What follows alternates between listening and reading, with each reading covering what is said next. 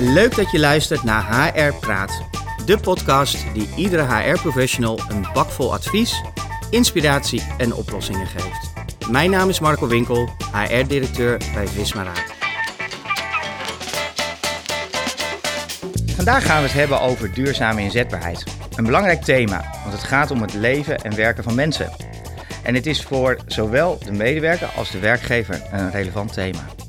Voor de medewerker door de verhoogde werkplezier en meer motivatie. En voor ons als werkgever omdat het een effectievere organisatie en minder verzuim oplevert. Guido Welter helpt als directeur van het Nationaal Platform Duurzame Inzetbaarheid de praktijk en de wetenschap bij elkaar te brengen. Met meer dan 130 partners ondersteunt hij organisaties en medewerkers bij het realiseren van duurzame inzet en inzetbaarheid in de praktijk. Welkom Guido. Vandaag gaan we het hebben onder meer over het thema duurzame inzetbaarheid en hoe organisaties hun beleid hierop kunnen toepassen. Interessant thema, uh, want ook wij als organisatie hebben dit hoog op onze agenda staan. Mm -hmm. Maar ik zou graag willen weten, als je nou eens kijkt naar de afgelopen periode, wat is nou jouw hoogtepunt? Hm. Afgelopen periode. Nou, um, dat was het organiseren van een uh, fysieke bijeenkomst op het uh, strand van Scheveningen, nota bene. Kijk. Um, uh, in april hadden we nog corona en uh, nou, konden eigenlijk weer niks. Moesten we hybride gaan, oftewel helemaal online. Maar we dachten, nou, in de zomer zal het toch wel afgelopen zijn. Dus we plannen heel stout op 5 juli een uh, buitenbijeenkomst. Zodat ook mensen niet kunnen zeggen, ja, ik vind het eng in een zaal of zo. En dat wil ik liever niet. Dus we planden een bijeenkomst netwerken op het strand. het was netwerken uiteindelijk. En um, ik moet zeggen, dat beviel buiten gewoon goed. Het was qua dynamiek een van de leukste bijeenkomsten ever. Waarom? Nou, het was natuurlijk zo dat iedereen snakt naar buiten te gaan en wel nog een beetje voorzichtig was. Maar de zon scheen terwijl regen voorspeld was. Dus de condities waren prachtig. Ja. Daar hadden we een klein beetje geluk, moet ik zeggen, maar goed.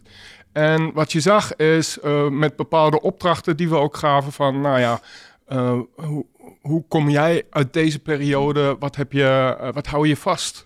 En uh, wat heb je meegemaakt? En als je al die gesprekken ziet die dan echt plaatsvinden tussen mensen, dan zie je dat ze ook echt behoefte hebben dat te delen. En dat ze daardoor letterlijk opfleuren. Dus ik heb nog nooit zoveel glimlachende mensen op een netwerkenbijeenkomst gezien. Dus dat was echt top. En ik dacht van, nou, hoe zou dat dan in bedrijven gaan zometeen? Organiseren ze ook een soort van comeback en wat heb jij meegemaakt? En hebben, hebben ze dat überhaupt aan de mensen gevraagd toen ze nog thuis zaten de hele tijd? Wat deed die leidinggevende? Heb je het erover van hoe zwaar heb je het? Of heb je het überhaupt zwaar? En nou, wat gaan we zo meteen doen? Dus dat was echt een van de leukste ja. zaken ever. Ik zie je ook ja. glimlachen ja. Uh, daarbij. Dus dat, uh, dan zie je ook weer natuurlijk dat, dat medewerkers verbinding nodig hebben. Ja, uh, zeker. Uiteindelijk. Uh, zeker. Ja, ik ervaar hetzelfde. Wij hebben heel uh, veel tijd um, besteed uiteindelijk aan, aan vitaliteit, duurzame inzetbaarheid. Mm -hmm. maar eigenlijk een soortgelijk ervaring afgelopen week. Mm -hmm. Waarbij we iedereen hier op de parkeerplaats ook in een buitensituatie weer ontvangen hebben. Ja. om aan te geven, joh, wat is nou de koers? Hoe ziet het nou met onze organisatie? maar ook een stuk verbinding en een sociale activiteit. En ja. ik had nooit gedacht dat wij samen met een popcorn een liedje zouden gaan uitwerken. Ja. Uh, maar het was echt een evenement. Uh, natuurlijk met uh, de COVID-restricties in acht genomen. Mm -hmm. Maar echt wel die verbinding. En ja. ja. dan zie je toch wat een kop koffie, een lunch ja. in een buitensetting met elkaar doet. Dus wij zullen dat ook zeker continueren. want je ziet dat mensen na anderhalf jaar thuiswerken ook wel behoefte hebben aan ja, verbinding met elkaar. Zeker. Zeker. En connectie. Uh, want internet vervangen, kan heel veel vervangen, mm. maar niet alles uh, nee. uiteindelijk uh, daarin. Hoogtepunten kennen ook dieptepunten. Als je nou kijkt naar de afgelopen anderhalf jaar, wat, waarvan zeg je dan, nou dat is wel, ja, dat had ik toch anders kunnen doen?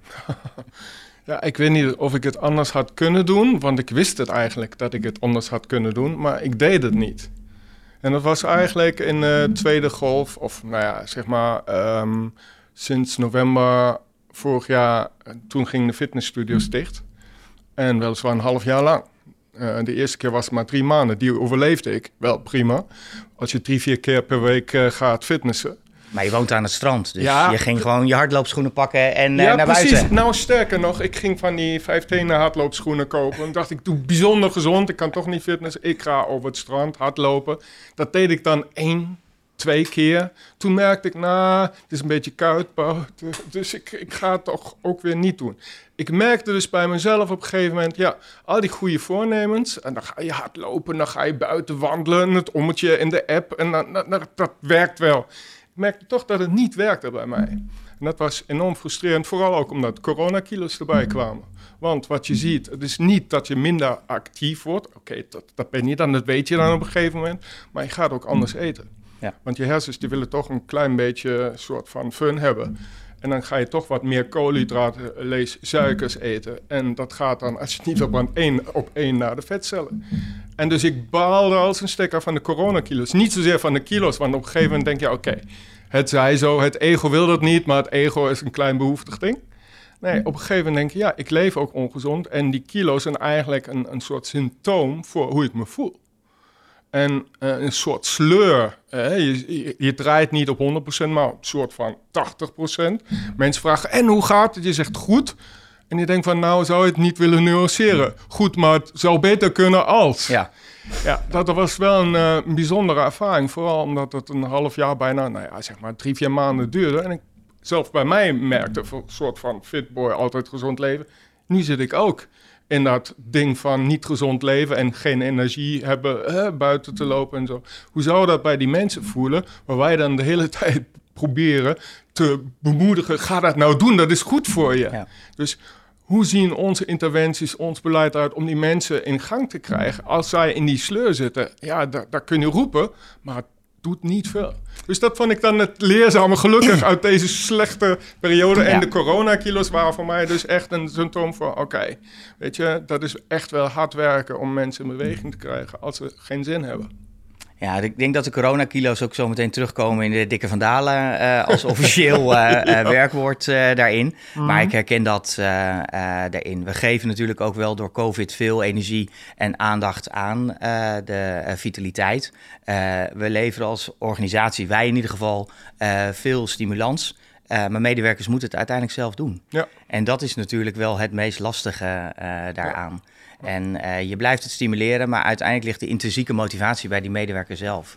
Ja. en dat is wel een, een, een thema die ook ja, vanuit mijn optiek voor HR 2022 verder gaat uh, daarin. Wat wel geholpen heeft, was niet zozeer het hardlopen, maar op een gegeven moment kwam ik iemand tegen in het uh, appartementcomplex waar ik woon in slippers bij 5 graden buiten. En ik dacht, wat, wat ben je aan het doen? Die zei van, ah, ik ga een duikje nemen. Ik zei, oh, dat is gek.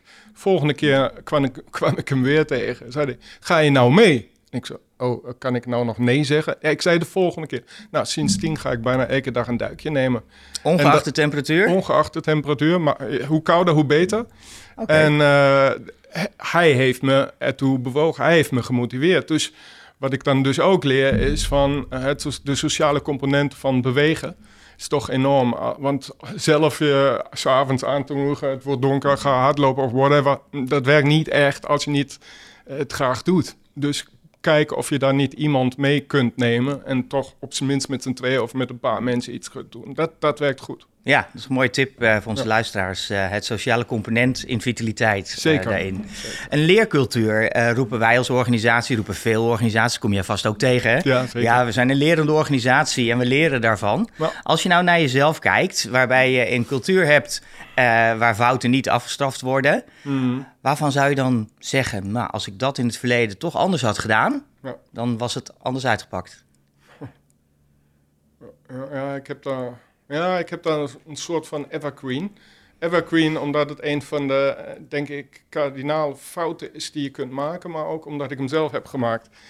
En dat is me nog goed bijgebleven. Eerst ontkende ik het en dacht ik van, nou, dat lag dan niet aan mezelf. Maar één, twee jaar verwerking uh, later kwam ik erachter, dat was hem. Um, het ging erom, ik had een opdracht in een grote gemeente, een grote Nederlandse gemeente. Ging het om uh, vertrouwen, veiligheid, samenwerken. En het wilde maar niet vlotten daar in die dienst. Mooie thema's. Ja, fantastisch. Eigenlijk de basis van hoe het eruit en zuid op de werkvloer. Als het goed gaat, dan is er vertrouwen. Als het niet goed gaat, heb je ook vaak wantrouwen of andersom, vice versa.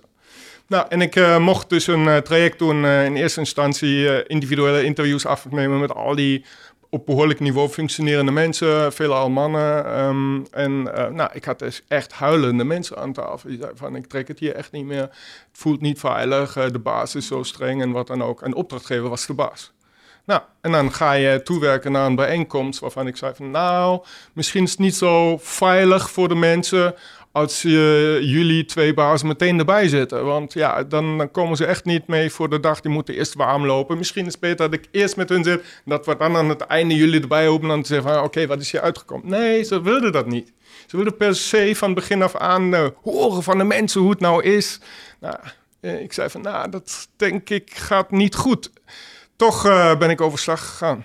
En, je hebt ze erbij gezet. Ja, en dan je, je, voelt de sfeer. Het is, de sfeer is om te snijden. Je zit in de zaal, kil, koud. Niemand durft. De mensen die net nog huilend aan tafel alles hadden verteld. Joh, die waren stil. En uh, het was behoorlijk uh, met modelletje dan het gesprek op uh, gang brengen. Maar ik wist, dit is verloren, een verloren zaak. En daarna hebben ze ook bedankt. Ja, en dat was heel verhelderend. En we gaan nu kijken wat we daarmee doen. Ik wist van, nou, jullie gaan helemaal niks ermee doen. Maar het echte probleem is nooit boven tafel gekomen? Nooit, nooit. Er is een elephant in the room en die zat er ook nog toen ik ging. Ja. Ja, wij zeggen heel vaak put the fish on table. Uh, en uh, ja, ga er maar mee aan de slag. Maar ja, vaak is dat wel uh, uiteindelijk de basis inderdaad van vertrouwen. En ja, een van mijn vorige directeuren zei ooit inderdaad vertrouwen, plezier en werkgeluk.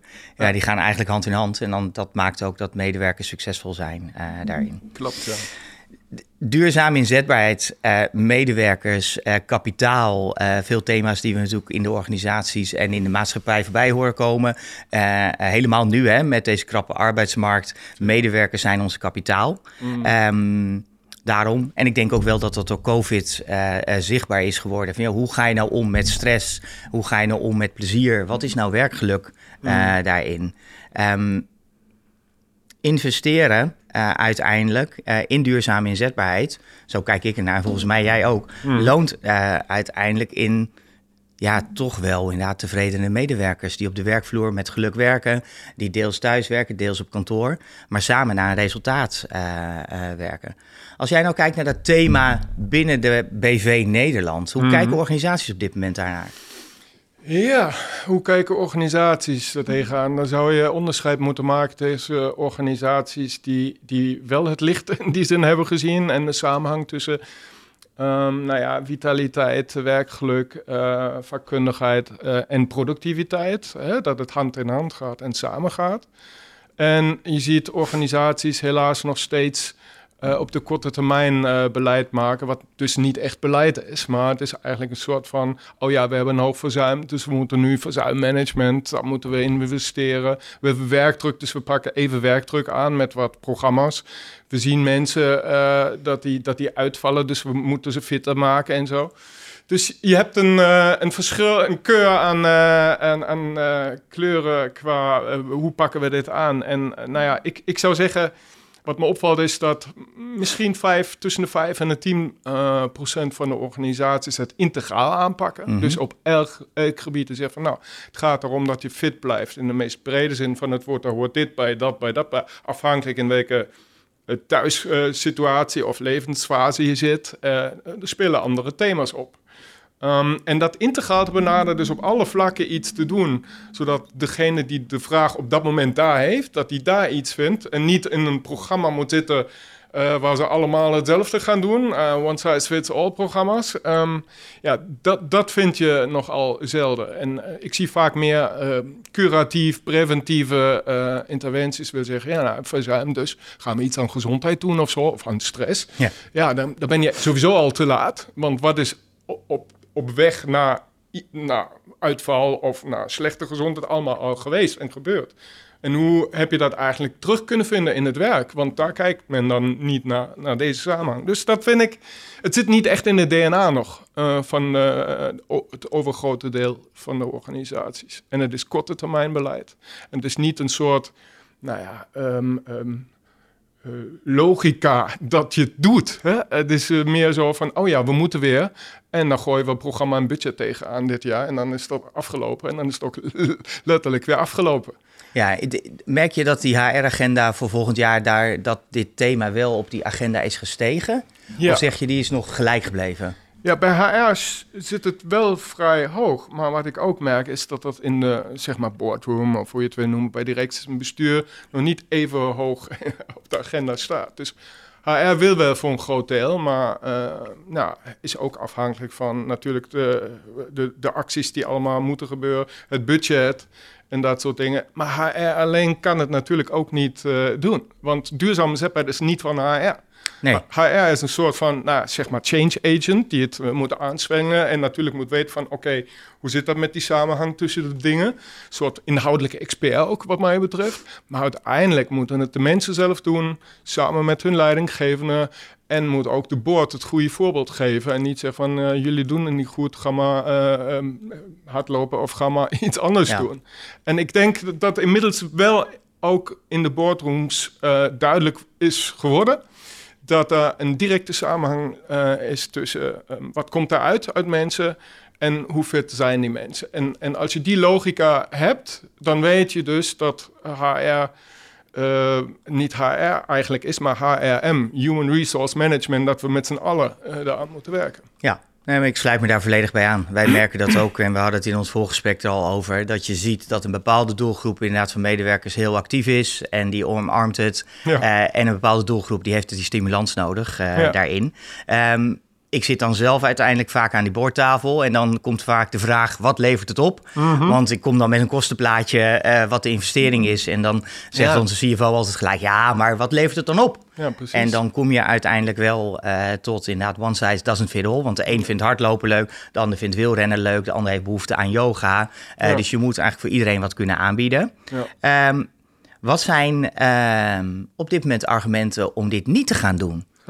Want die zal je vast ook horen. Ja, uh, zeker op dit moment. Hè. Um, wat we daarvoor ook al een klein beetje hoorden, maar nu vooral in coronatijd is vooral van ja, nee, uh, we hebben verlies geleden of we hebben een achterstand opgelopen. We hebben geen tijd, we moeten nu gas geven. Um, er is nu geen geld om te investeren. Uh, en uh, geen energie nog over uh, om hier op te focussen. Want we moeten überhaupt zorgen dat, dat de tent door blijft draaien. Ja. Alles van die dooddoeners. En dan ben je meteen klaar eigenlijk. Ja. zelfs argumenten zoals, nou ja, kijk, door thuiswerken en zo zijn mensen toch productiever geworden. Want sommige onderzoeken tonen dat aan.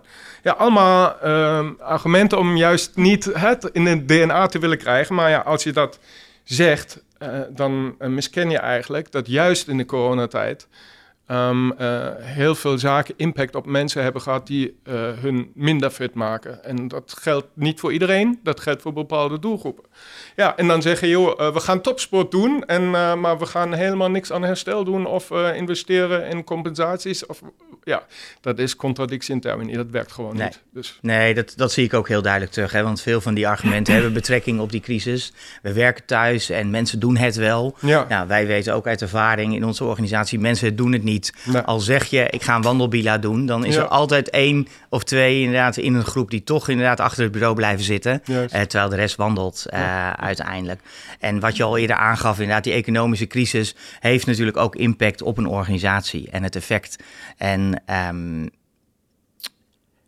wij hebben daar gelukkig niet last van. Maar ik merk wel dat, dat je in de thema's uh, in de, uh, de BV Nederland uh, toch ziet dat burn-outs inderdaad echt wel verhoogd zijn. Mm -hmm. um, wat voor tip heb jij voor onze luisteraars om als organisatie daarmee aan de slag te gaan? Want een burn-out is altijd een effect van ja. en een combinatie van. Ja. Wat, wat zou je onze luisteraars mee willen geven als organisatie om daar alert op te blijven? Ja, nou ja, burn-out is het einde van een keten van te lang onder stress hebben uh, gestaan en, en te veel cortisol en te lang cortisol in je lijf gehad hebben.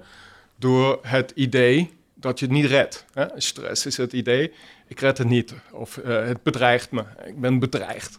Nou, uh, dan zijn we allemaal nog beesten en dan schiet het cortisol in je lijf. Nou, overleef een tijdje mee wel, maar dat is op den duur niet zo gezond. Dat weten we inmiddels allemaal. Maar als je naar de effecten kijkt in diverse sectoren, nu in de BV Nederland, heb je de zorg waar je de perfect storm kreeg. Ja, met alle problematieken in de zorg van de populatie kregen uh, onderbezetting vooral, hè, te weinig handen aan bed. In combinatie met corona, wat erg heftig was voor mensen die dat zo nog niet hadden meegemaakt. Als je daar niet meteen ingrijpt en bijvoorbeeld op de werkvloer sociale steun, maar ook professionele steun door bijvoorbeeld psycholoog in, investeert, dan zie je dus dat mensen echt ook richting de burn-out gaan. En zeker als je geen perspectief, perspectief hebt. Als je merkt van, oh ja, lockdown en dan gaat het weer beter. En dan denk je, hé, we kunnen weer de goede kant op. En even door die zure appel heen bijten. Komt de volgende. En dan denk je, oh, dan gaan we weer. Dus zonder een perspectief dat je zegt, hé, hey, er is licht aan het einde van een tunnel, blijf je uh, met jezelf worstelen in, in, in die sleur en denk je, ja, hier is geen perspectief, ik kan wel beter omvallen. Of je lichaam zegt dat dan voor jou, stop maar, want ja. dit heeft geen nut. Dus je, je, ziet dus um, um, stress of burn-out als gevolg van stress. Kent natuurlijk vele, dat is een veelkoppige monster. En uh, in de zorg is het in de logistiek, als je naar de pakketjes kijkt die we met z'n allen lekker hebben besteld hè, in deze fase thuis. Ja, je ziet die mensen haasten en dan denk je, ja, hebben die überhaupt uh, een leidinggevende die nog met hun praat over, hey, ik zie dat je al scheef loopt van het uh, tillen van al die pakketten. is dat wel nog oké? Okay? Nou, dus je hebt verschillende sectoren waar verschillende problematieken spelen, maar ook de situatie thuis. Ja. Je hebt de, de, de, de starters, hè, de, de de, de young professionals die willen ontwikkelen en die zitten thuis in een wel of niet uh, heel kleine vierkante meter appartement of zo, of nog bij de familie waar ook iedereen aan het zoomen is. En je loopt door elkaar zoom of de, eh, de, de, de bandbreedte uh, gaat omlaag en je krijgt storing, dan word je ook niet goed van. Of je hebt kleine kinderen en je weet niet hoe moet ik nou ook nog school geven, ben ik dan docent geworden zonder dat ik het wist.